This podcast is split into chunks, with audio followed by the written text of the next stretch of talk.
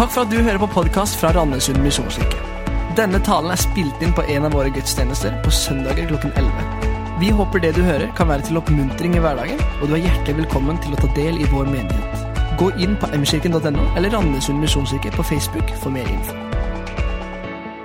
I januar, 3. januar i år så skrev en kvinne på 27 år et brev eh, som ble hurtig delt på mange sånne sosiale medier.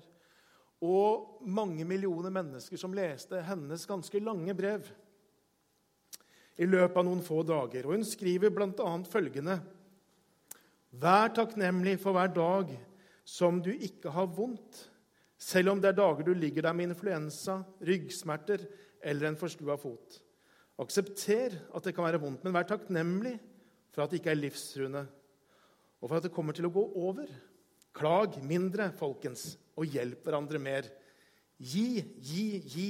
Det er sant at det er mer glede å gjøre ting for andre enn å gjøre det for deg sjøl. Jeg ønska jeg var flinkere til det. Og litt seinere i dette brevet ikke føl deg pressa til å gjøre det andre mennesker mener du må for å få et meningsfullt liv. Du vil kanskje ha et helt vanlig liv, og det er bra, det også. Og så kan du jo lure på hva er så spesielt med dette brevet. Hva er det som gjør at dette brevet da i løpet av noen dager ble delt rundt omkring i hele verden? Og millioner av mennesker fikk noe å tenke på, og mange ble sterkt berørt av dette brevet her. Kanskje noen av dere som så det. Og så er historien bak det at det er skrevet av Holly Butcher. Hun er 27 år da hun skriver det. Men ett år tidligere, altså i 2017, så fikk hun beskjed om at hun hadde kreft, at hun hadde kort tid igjen å leve. Og 3. januar så skriver hun altså dette brevet, poster det på sin Facebook-side, og så dør hun dagen etterpå. Og så skjønner dere bare med det jeg sier da, ja, men da får på en måte de ordene faktisk en helt annen tyngde. Da er det et annet perspektiv når hun ser der, og så skriver hun disse tingene som har vært til tanke, ettertanke og til oppmuntring for veldig mange. Det hun skriver der på dødsleiet, det gir de ordene en helt spesiell vekt og en tyngde. Og vi merker det.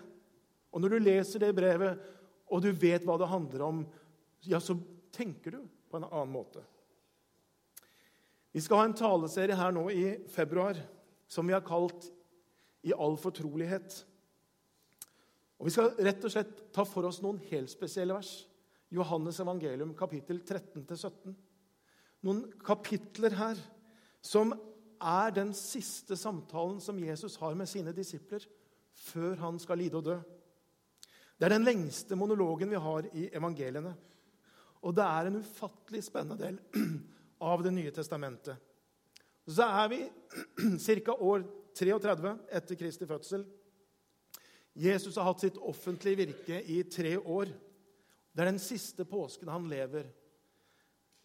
Og så er vi i Jerusalem. Og så har mesteren samlet sine disipler for å feire påskemåltid. Det er bare noen få dager igjen før Jesus kommer til å dø på korset. Og det vet Jesus. Det står det i noe av den teksten vi skal lese litt etterpå. Han visste at timen var kommet. står det. Han visste det.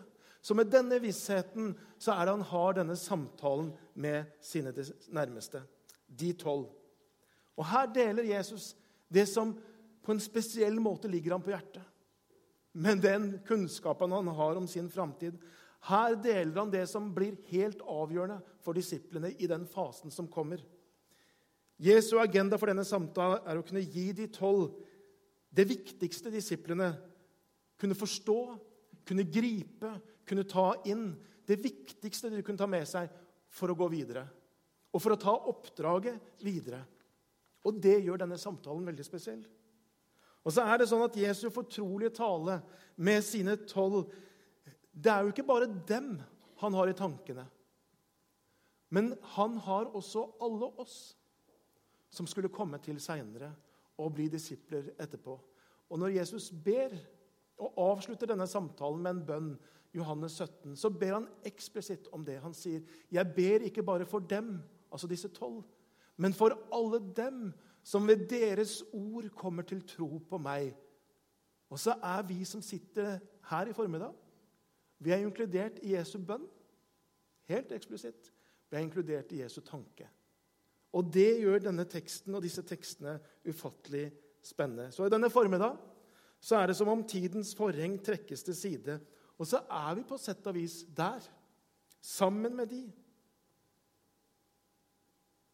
Og så deler Jesus det som ligger han på hjertet, med de tolv, men også med oss.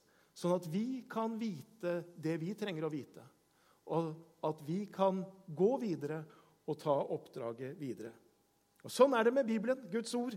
Det har aldri vært tenkt at det er ord til de da, men det er ord til oss i dag også. Det er ord med evig betydning. Jesu avskjedstale, som starter der kapittel 13, starter bemerkelsesverdig ikke med at Jesus sier noe. Jesus' siste ord til sine disipler starter med at Jesus gjør noe. Og det er interessant. Og Vi skal snart lese nettopp om det og lese hvordan Jesus under måltidet reiser seg opp, tar av seg kappen sin, tar på seg et linklede, tømmer vann i et vaskefannsfat, kneler ned og begynner å vaske disiplenes føtter, den ene etter den andre. Noen ganger så sier vi at et bilde sier mer enn tusen ord. Og sånn er det. Noen ganger kan ett bilde det kan få konger til å falle eller snu en verdensopinion. Så kraftfullt kan et bilde være. Fordi at et bilde eller et kunstverk, et fotografi, det treffer oss på en annen måte enn ord. Det treffer oss midt i hjertet, det treffer oss i magen.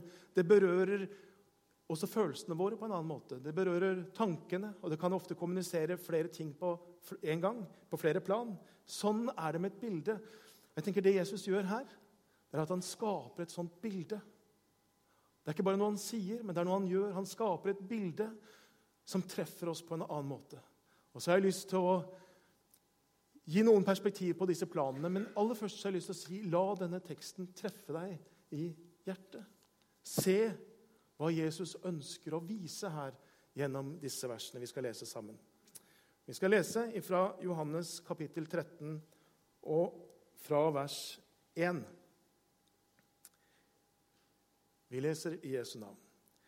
Det var like før påskehøytiden, og Jesus visste at hans time var kommet da han skulle gå bort fra denne verden og til sin far. Han hadde elsket sine egne, som var i verden, og han elsket dem helt til det siste. De holdt måltid. Djevelen hadde alt gitt Judas, sønn av Simon Iskariot, den tanken i hjertet at han skulle forråde ham. Jesus visste at far hadde gitt ham alt i hans hånd, og at han var utgått fra Gud og gikk til Gud. Da reiser han seg fra måltidet, legger av seg kappen, tar linkle og binder det om seg. Så heller han vann i et fat og begynner å vaske disiplenes føtter og tørke dem med linkleet som han hadde rundt livet. Han kommer til Simon Peter. Peter sier, 'Herre, vasker du mine føtter?' Jesus svarte, 'Det jeg gjør, forstår du ikke nå, men du skal forstå det siden.' 'Aldri i evighet skal du vaske føttene mine', sier Peter. 'Hvis jeg ikke vasker deg, har du ingen del i meg', svarte Jesus. Da sier Peter, 'Herre, ikke bare føttene, men hendene og hodet også.' Jesus sier til ham, 'Den som er badet, er helt ren og trenger bare å vaske føttene.' Dere er rene, men ikke alle. For han visste hvem som skulle forråde ham. Derfor sa han, 'Dere er ikke alle rene.' Da han hadde vasket føttene deres og tatt på seg kappen, tok han plass ved bordet igjen. Så sa han til dem, 'Forstår dere hva jeg har gjort for dere?' 'Dere kaller meg mester og herre, og dere gjør det med rette.' For, det, for jeg er det. Når jeg som er herre og mester, har vasket deres føtter, da skylder også dere å vaske hverandres føtter. Jeg har gitt dere et forbilde. Slik jeg har gjort mot dere, skal også dere gjøre. Sannelig, sannelig, jeg sier dere, tjeneren er ikke større enn Herren sin, og utsendingen er ikke større enn Han som har sendt ham. Nå vet dere dette, og salige er dere så sant dere også gjør det. Og det var Guds ord til oss. Og Temaet for denne talen her er 'Jesus vasker disiplenes føtter'. Og så har jeg tre ganske enkle punkter, og så skal vi forsøke å, å se på de. Jesus vasker disiplenes føtter og viser med det hvem han er. Jesus vasker disiplenes føtter og viser med det hvem disiplene er. Og Jesus vasker disiplenes føtter og viser med det hva en disippel skal gjøre. Så skal vi prøve å komme gjennom det i løpet av denne tiden vi har. Så Det første vi skal se på, det er altså dette at Jesus vasker disiplenes føtter og viser med det hvem han er. En liten faktaopplysning bare, og som var, som var opplagt for alle disiplene og alle i samtiden. Ehm, og som ikke er like opptatt kanskje for oss her i Norge, selv om helt sikkert mange av dere har hørt om det mange ganger. Men det å vaske noens føtter det var den mest nedverdigende arbeidsoppgave det gikk an å ha. Det var helt på bånn. Det var det verste av det verste. Det var aldri husets herre som vaska noens føtter, men det var den lavest rangerte slaven. Slavegutten, eller han som måtte gjøre alt det dårlige arbeidet. Det var han som måtte gjøre det. Og Føttet var i denne kulturen også sånn, en symbolsk sett på som noe veldig sånn lavt, eh, noe veldig skittent og urent. Og Sånn er det faktisk i en del kulturer i Midtøsten i dag. Eh, og det er faktisk sånn at det å vise I noen kulturer så er det å vise fotsålen til noen det er liksom det mest fornærmende man kan gjøre med et menneske. Så det må man aldri gjøre. Og vet ikke om dere husker det, men I 2008 så var president Bush han var i Bagdad, i eh, den amerikanske ambassaden. Og Da var det en journalist som tok av seg skoene sine, og så kasta han dem på Bush. Dere ser Han dukker her i hvert fall på dette bildet, og en sko som flyr gjennom lufta. Hvorfor det? Jo, for det er noe av det mest nedverdigende du kan gjøre med noe menneske. Og Så sier han etterpå hvorfor gjorde du det. Når han da blir tatt til fange, eller holdt jeg på å arrestert, og de, de spør han, så sier han jeg ville vanære tyrannen. Og så gjør han det på den måten. Det mest nedverdigende han kunne gjøre. Kaste skoene. Og I tillegg på en måte til denne symbolske status så var jo det å vaske noens føtter også bokstavelig talt en drittjobb. Ikke sant? Fordi de hadde åpne sandaler, de gikk i støv og skitt, og noen ganger også møkk og eksementer. Så på en måte det å vaske noens føtter det var en ordentlig sånn jobb som ingen ville ha. Og Det var jødiske rabbinere på denne tiden som mente det at det, det var en jobb som ingen jøder kunne ha. For da ble man uren. Så det, selv om man var slave, så skulle ikke jøder gjøre det. Så ingen av disiplene de kunne noen gang drømme om for sin egen del at de skulle vaske noens føtter. Altså Det var langt under deres verdighet. Aldri. Og så skjer det som vi leste om, at Jesus reiser seg fra måltidet. Og så tar han av seg kappen sin, og så tar han på seg et linklede. Tømmer han opp i et vaskevannsfat, og så kneler han ned, og så vasker han føttene deres fra den ene til den andre. Jeg tenker de blir målløse eh, når de sitter der. Og Hvorfor gjør han det? Jo, jeg tror gjennom dette å vaske føttene så vil nettopp Jesus vise hvem han er. Og Skal vi på en måte forstå denne teksten, så kommer det en veldig viktig opplysning helt tidlig det står det i vers 3. Jesus visste at far hadde gitt ham alt i hans hånd, og at han var utgått fra Gud og gikk til Gud. Jesus visste hvem han var. Han visste at han var Guds sønn i bestemt form.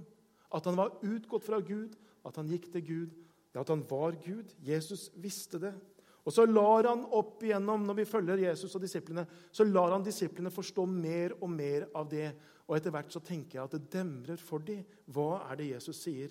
I Johannes 10, 30, så sier Jesus f.eks.: 'Jeg og far er ett'. Og så kan Det høres litt sånn kryptisk ut. Hva betyr det? Men de jødene som sto der, de visste hva det betydde. Så de plukker opp steiner for å steine Jesus for blasfemi. Han gjør seg lik Gud. I Johannes 8, 58 så sier Jesus, 'Før Abraham er jeg'. Og Det er den samme reaksjonen jødene som hørte det, tar opp stein for å drepe ham. Jesus har en selvbevissthet som er på en måte diametralt motsatt av andre på en måte religiøse ledere eller lederskikkelse. Muhammed eller Buddha.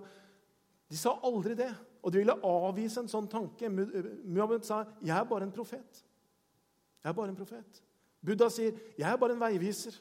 De ville aldri sagt det. Men Jesus han står opp her og så sier han, 'Jeg og far er ett'. Og så sier han mange andre ting som 'Den som har sett meg, har sett far'. Ingen kommer til far uten meg. Han sier, 'De ord jeg har talt, skal han dømmes etter på den siste dag'. Igjen og igjen og igjen så ser vi denne Jesus' selvbevissthet om hvem han er. Og det er jo denne type utsagn som er grunnlaget for C.S. Lewis sitt veldig berømte sitat, som jeg også har hatt mange ganger her. En mann som var bare et menneske og sa den slags ting som Jesus sa, Enten vil han være sinnssyk på linje med den som er et bløtkokt egg, eller han vil være en helvetes djevel. Vi må gjøre vårt valg. Enten var og er denne mannen Guds sønn, eller er han gal, eller noe verre. Jesus visste at far hadde gitt han alt i hans hånd, at han var utgått fra Gud og gikk til Gud, står det i teksten. Og så gjør Jesus da dette som er det utenkelige. Han kneler ned og vasker disiplenes føtter. Det som ingen hadde tenkt, det som ingen hadde på en måte kunne ant skulle komme. Det er det som skjer. Og Det er som om Gud selv, han som skaper stjernevimmelen med, et ord Det er som Gud selv kneler ned der på øvre salen og vasker disiplenes føtter og gjør den mest ydmykende oppgave av alle handlinger. Det er Gud som er der. Og så gjør Jesus her, i denne teksten vi har lest, akkurat det som Paulus senere skulle skrive om, hvor det står at han var i Guds skikkelse og så det ikke som et rov å være Gud lik, men ga avkall på sitt eget, tok på seg en tjenerskikkelse og ble menneskelik. Da han sto fram som menneske, fornedret han seg selv og ble lydig til døden, ja, døden på korset. Sånn skriver Paulus det. Og så er det det bildet som Jesus tegner når han vasker disiplenes føtter. Jesus viser at han kom aldri til vår jord for å herske, men han kom for å tjene. Og I Matteus 2028 så sier Jesus slik er heller ikke menneskesønnen kommet for å la seg tjene, men for selv å tjene og gi sitt liv som løsepenge for mange. Julens evangelium Gud ble menneske. Og så fortsetter nedstigningen. Kongen blir tjener. Og så ender det på via Getsemane og på Golgata, hvor han ble spikra opp på korset. Og Så er det på en måte denne nedstigningen som vi ser, og så er fotvaskingen et ledd i dette. Teologen Edward Kink han har satt det sånn Slik Gud ble menneske, blir kongen en tjener i fotvaskingen. Slik Gud ble menneske, blir kongen en tjener. Når Jesus da gjør dette og vasker disiplenes føtter, så er det for at de liksom virkelig kan gripe og forstå hvem Jesus er. Hva han kom for å gjøre. At de forstår det ikke bare her, men at de forstår det dypt inn i sitt innerste. For én ting er å vite og på en måte høre ordet 'Jesus kom for å tjene'. Og noe helt annet er å sitte der og oppleve at mesteren, kongenes konge, herrenes herre, faktisk vasker dine skitne føtter. Da kjenner du det på en annen måte. Og Jeg tror det er det som Jesus ønsker å gjøre, men at han starter her. Ikke med å si noe, men å gjøre noe. Fordi jeg tror det er sånn for oss òg. Én ting er å vite noe her, om hva Jesus er, og hvem han er, og hva han har gjort for oss. Men det å erfare det, kjenne det faktisk på kroppen, at han har berørt oss, han har tatt bort vår skyld, han berører våre liv, han leger våre sår, det er noe annet. Og vi trenger det også. Sånn at troen ikke bare blir i hodet, men at det blir noe som blir fysisk i kroppen vår. Det er det første jeg hadde lyst til å si. At Jesus vasker disiplens føtter for å tegne et bilde av hvem han er.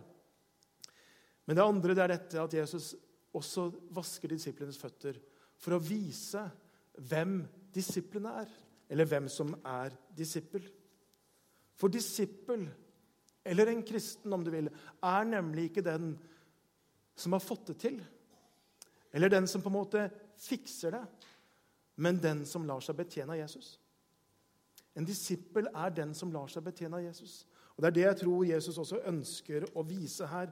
Og Vi ser det så tydelig når han kommer til Peter. For Peter spør, 'Herre, vasker du mine føtter?' Jesus svarte, 'Det jeg gjør, forstår du ikke nå, men du skal forstå det siden.' Og Så sier Peter, og så nekter han og sier, 'Aldri i evighet skal du vaske føttene mine.' Og så sier Jesus noe som er kanskje sånn forunderlig strengt eller hardt. Han sier, Hvis jeg ikke vasker deg, har du ingen del i meg. Hva betyr det? Hva betyr det? Og jeg tror at når Jesus sier det, så skjønner både Peter og disiplene at dette er noe mer enn fotvasking. Ikke sant? Her er fotvasking et symbol på et eller annet. Det er jo litt sånn, jeg vet ikke om du har vært borti det, hvor det, på en måte, det står en eh, skitten kaffekopp på et bord. Og så plutselig så skjer det noe, og så er det en som reagerer med sånn Hvorfor står det alltid skitne kaffekopper her? og Ingen som bryr seg om hva jeg gjør. Har du vært borti det? Hos en mor eller en, eh, en eller annen i familien, eller kanskje det er du som reagerer sånn. Og så blir den kaffekoppen, den skitne kaffekoppen den blir jo noe mye mer. Den blir et symbol på masse. Men det er den skitne kaffekoppen som får gjennomgå. på en måte. Og Sånn er det litt her. Jeg tror, jeg tror Peter skjønner at her handler det om noe mye mer. De skitne føttene er symbol på et eller annet. Hva er det? Jo, De skitne føttene det er et symbol på alt det som skiller oss med, med Gud. Det er alt det skitne, det mørke i oss som trekker oss ned. Det er alt det som gjør at vi mange ganger går og bryter vår egne moralkodeks. Gjør ting som vi tenker det der er, det er ikke sånn jeg ønsker å være. Og jeg synes jo Metoo-kampanjen er på en måte en sånn oppvisning i det. Både hva synd er, og det å bryte sine egne idealer. De skitne føttene et symbol på det som skiller oss fra Gud. For sånn er det jo egentlig alltid med skitt. Det skiller, det gjør noe med relasjonene. Vet ikke om du har opplevd å gå inn på en buss eller en trikk eller et eller annet sted her eller utlandet, og så er det en eller annen person der som bare er veldig skitten. Og så ser du hvordan ingen setter seg i nærheten. Alle går unna. Men sånn er det. Møkk, skitt, det bryter relasjoner. Og det er det dette, bildet, dette er et bilde på. De skitne føttene er et symbol på alt det som skiller oss fra Gud. Og det Jesus sier her, Hvis ikke jeg får lov til å berøre deg, hvis ikke jeg får lov til å vaske dine føtter, hvis ikke jeg får lov til å ta bort din skyld, ja, så kan vi ikke ha noe sammen. Ingen del i meg, det betyr en arvedel. Da kan vi ikke på en måte stå i relasjon. Og så er det det dette handler om, de skitne føttene. Så sier Jesus til Peter, 'Det jeg gjør, forstår du ikke nå, men du skal forstå det siden.' Og Med det så peker Jesus framover og setter fotvaskingen som et sånt frampek på det som skulle komme noen dager seinere, når Jesus dør på et kors spikres opp. Og så er det for vår skyld. Han tok vår straff. Han har sona vår skyld. Når han kommer til Peter, så leste vi det at Peter vegrer seg. Han sier nei. Aldri i livet, Herre. Aldri om du skal vaske mine føtter. Så kan det jo høres litt sånn ydmykt ut, men det er ikke sikkert det var så ydmykt. Kanskje var det selvrettferdigheten som slo inn. Kanskje er det Peters tanke om at ja, men er jeg så ille, da? Er det så skittent her, eller er det så skittent her? I hjertet? Er det sånn, Kan jeg ikke på en måte ordne opp i dette sjøl? Kan jeg ikke fikse det sjøl på et eller annet vis? Er jeg så ille? Og så tenker jeg at det er veldig mange både i dag og gjennom historien som har vært som Peter, som på en måte ikke ønsker at Jesus skulle berøre de som tenker jeg skal fikse det sjøl. Eller jeg skal i hvert fall fikse opp i det til jeg blir bra nok, og så kan jeg komme til Jesus. Og så trekker man på en måte føttene til seg, trekker seg unna. Jeg tror det er mange som har opplevd å ha det sånn. Hva er det folk sier i dag? Jeg tror veldig mange heller ønsker å forsvare det livet man har, enn å erkjenne og bekjenne. Og så blir det uttrykk som 'alle gjør det'. Kan det være så farlig, da? Det må være mulig å pynte litt på sannheten. Ja, er det så farlig å ta en snarvei? Å bryte et løfte Det er jo ingen som trenger å få vite det. Jesus sier, 'Hvis ikke jeg får vaska dine føtter, Peter, så kan ikke vi ha en relasjon. Da kan ikke vi ha en del.' Og så lar Peter Jesus få lov til å komme til og vaske hans føtter. Det er ydmykende på mange måter, det og måtte innrømme at jeg klarer ikke å fikse opp i det sjøl. Det er ydmykende å måtte innrømme at jeg trenger faktisk en frelser. Det er ydmykende å måtte innrømme at jeg klarer ikke å ordne opp i dette sjøl. Men samtidig så er det også den eneste løsningen og den eneste veien for å oppleve å få fred med både seg sjøl, med andre og med Gud. Og det er når vi lar Jesus få lov til å slippe til, at han kan gjøre det verket i oss. Et annet perspektiv fra dette måltidet får vi i vers 2, hvor vi leser de holdt måltid. Djevelen hadde alt gitt Judas, sønn av Simon Iskariot, den tanken i hjertet at han skulle forråde ham. Og På dette tidspunktet så har altså Judas han har bestemt seg for å forråde Jesus. Han har solgt han ut til høyspydene. Han visste det i hjertet sitt. Og så står det at Jesus visste det. Det står det litt senere, at Jesus visste hvem som skulle forråde ham. Men når Jesus vasker disiplenes føtter, så går han fra den ene og til den andre. Og På et eller annet tidspunkt der så kommer han til føttene til Judas, som har bestemt seg for å forråde Jesus. Og Jesus sitter der og vet det. Hva gjør han da? Og Så står det i hvert fall ikke noe annet enn at han vasker hans føtter. Det står ikke eksplisitt. Det står ikke at han hopper over. Så vi tror det. At han vasker også Judas sine føtter. På samme måte som de andre. Og så tenker jeg, så er det noe flott i det. At det er ikke Jesus som nekter. Og I Matteus så hører vi at Judas han går ut i natten. Det er ikke Jesus som kaster han ut, men det er Judas som sjøl velger å gå. Så selv forræderen får erfaring at Jesus vasker hans føtter, og er også inkludert når de deler nattverd sammen. Jeg tenker Det forteller oss noe. Om det er sånn at vi noen ganger tenker at nå har jeg skuffa Gud så enormt. Nå har jeg gjort noe som bare er så grusomt. Jeg kan aldri ha frimodighet til å komme til han igjen. Ja, så kan du hvile i det at Jesus hoppa ikke over Judas. Han kasta han ikke på dør, men han vaska hans føtter. Og Uansett hva du måtte kjenne på, så kommer du aldri lavere enn Judas, som forrådte Jesus, som var en av hans nærmeste. Og så kan du få lov til å hvile det. At Jesus sin på en måte tilbud, det er der.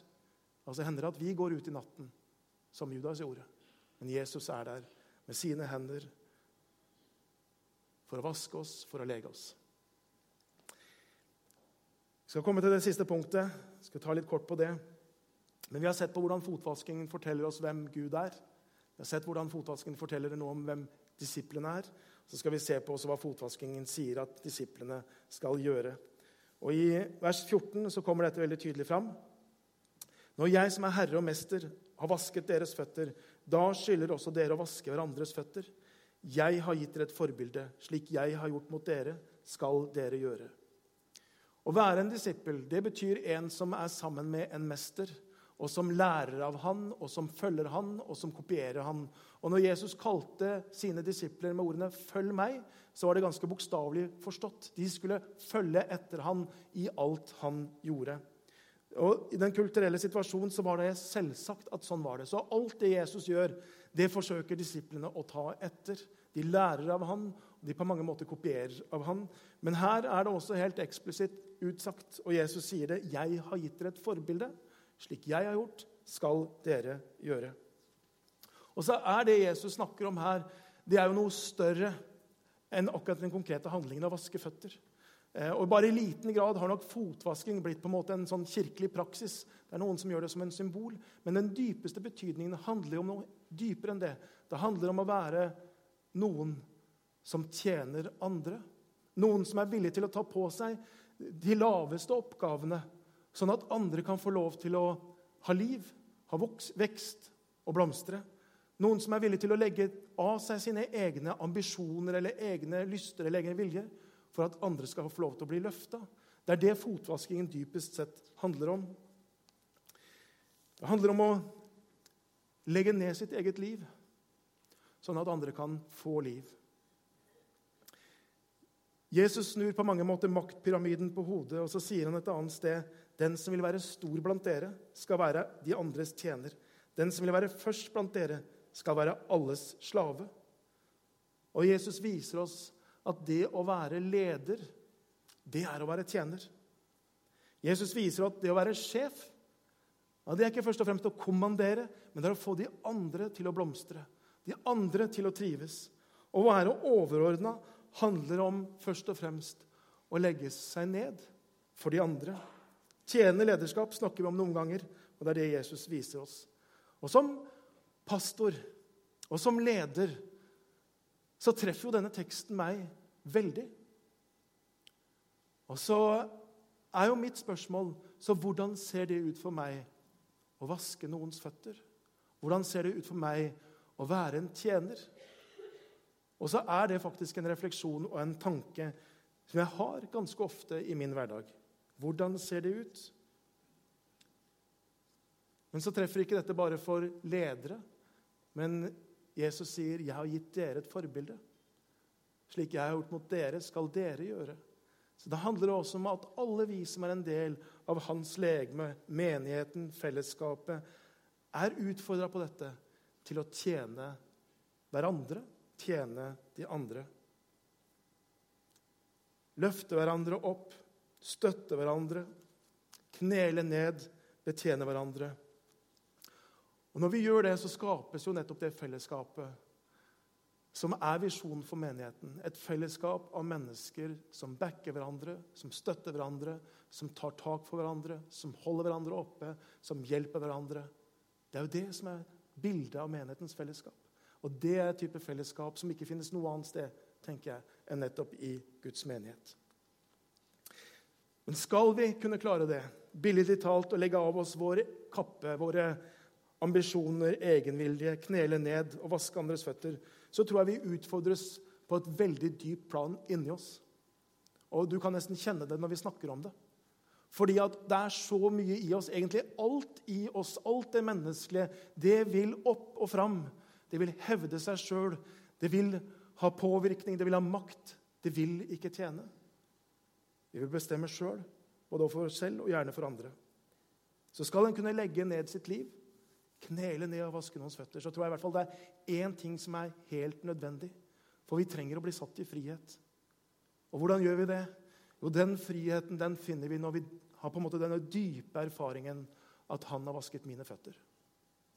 Når vi eier den dype erfaringen at han har gjort dette for meg, han ga liv, sitt liv for meg, ja, da settes vi fri til å kunne gjøre noe av det for andre. Når vi har en dyp erfaring at han har knelt ned foran mine føtter og vaska de, ja, så kan vi gjøre noe av det for andre. Og den gamle Johannes, disippelen, når han er på mot slutten av sitt liv, så ser han tilbake på sitt liv, og så sier han i 1. Johannes, kapittel, 1. Eh, Johannes brev, kapittel 4, eh, vers 19 Vi elsker fordi han elsket oss først. Kjærlighetens apostel kalles han. Og så sier han dette Vi elsker fordi han elsket oss først. Skal vi bli satt i frihet til å legge vårt liv ned for andre mennesker, for Gud, så trenger vi denne erfaringen. At han vasker våre føtter. Nå er vi her, dere. Omtrent slik disiplene var på Øvresalen. Bordet er dekket. Det er han som er dekka til for oss, dypest sett. Jesus har gjennom sitt ord lovet å være midt iblant oss. Og han er det i dag. Han er midt iblant oss. Og så er han her billedlig talt for å vaske dine føtter. Han er her for å berøre deg i dypet av din personlighet. Han er her for å fjerne alt som måtte være der av følelse av skyld og av skam. Og skyld det kan jo gå til Gud og få tilgivelse eller til andre mennesker. Skam er så mye verre. For da er det ikke noe at vi har gjort noe feil, men det er følelsen at vi er feil. Og så kommer skammen. Men jeg tror nettopp dette her, å få lov til å kjenne at man blir betjent av Jesus og høre ordet 'Dere er alle rene'. Du er ren. Du er bra. Du er ok. Det er det som ligger i det. Få lov til å høre at han lyser sin velsignelse over oss, ja, så skjønner vi også det at skammen, den kan jeg legge vekk. Fordi jeg er ikke feil, jeg er bra. Fordi Kristus har dødd for meg. Vi trenger den erfaringen, dere. Det andre det er at han kaller oss til billig talt å knele ned og vaske noens føtter. Og Så sa jeg jeg har måttet reflektere over hva det betyr i mitt liv. Og så har jeg lyst til å utfordre deg. Hva betyr det i ditt liv? Hvem er det du kan knele ned og vaske føttene til? Hvem er det du kan betjene? Hvilken oppgave er det du kan gå inn i som kanskje ingen andre vil ha, men du tenker det, det, det skal jeg gjøre? Og så kaller han oss til det. Vi skal be.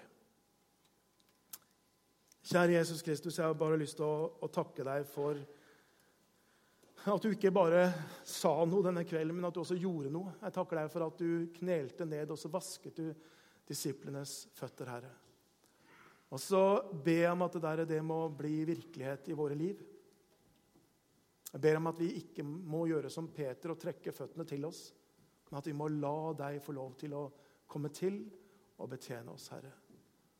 Og så er du her. Og så elsker du oss uendelig høyt. Og så ber jeg at den enkelte av oss med lov til å kjenne det. At du er her, at du elsker oss. Amen.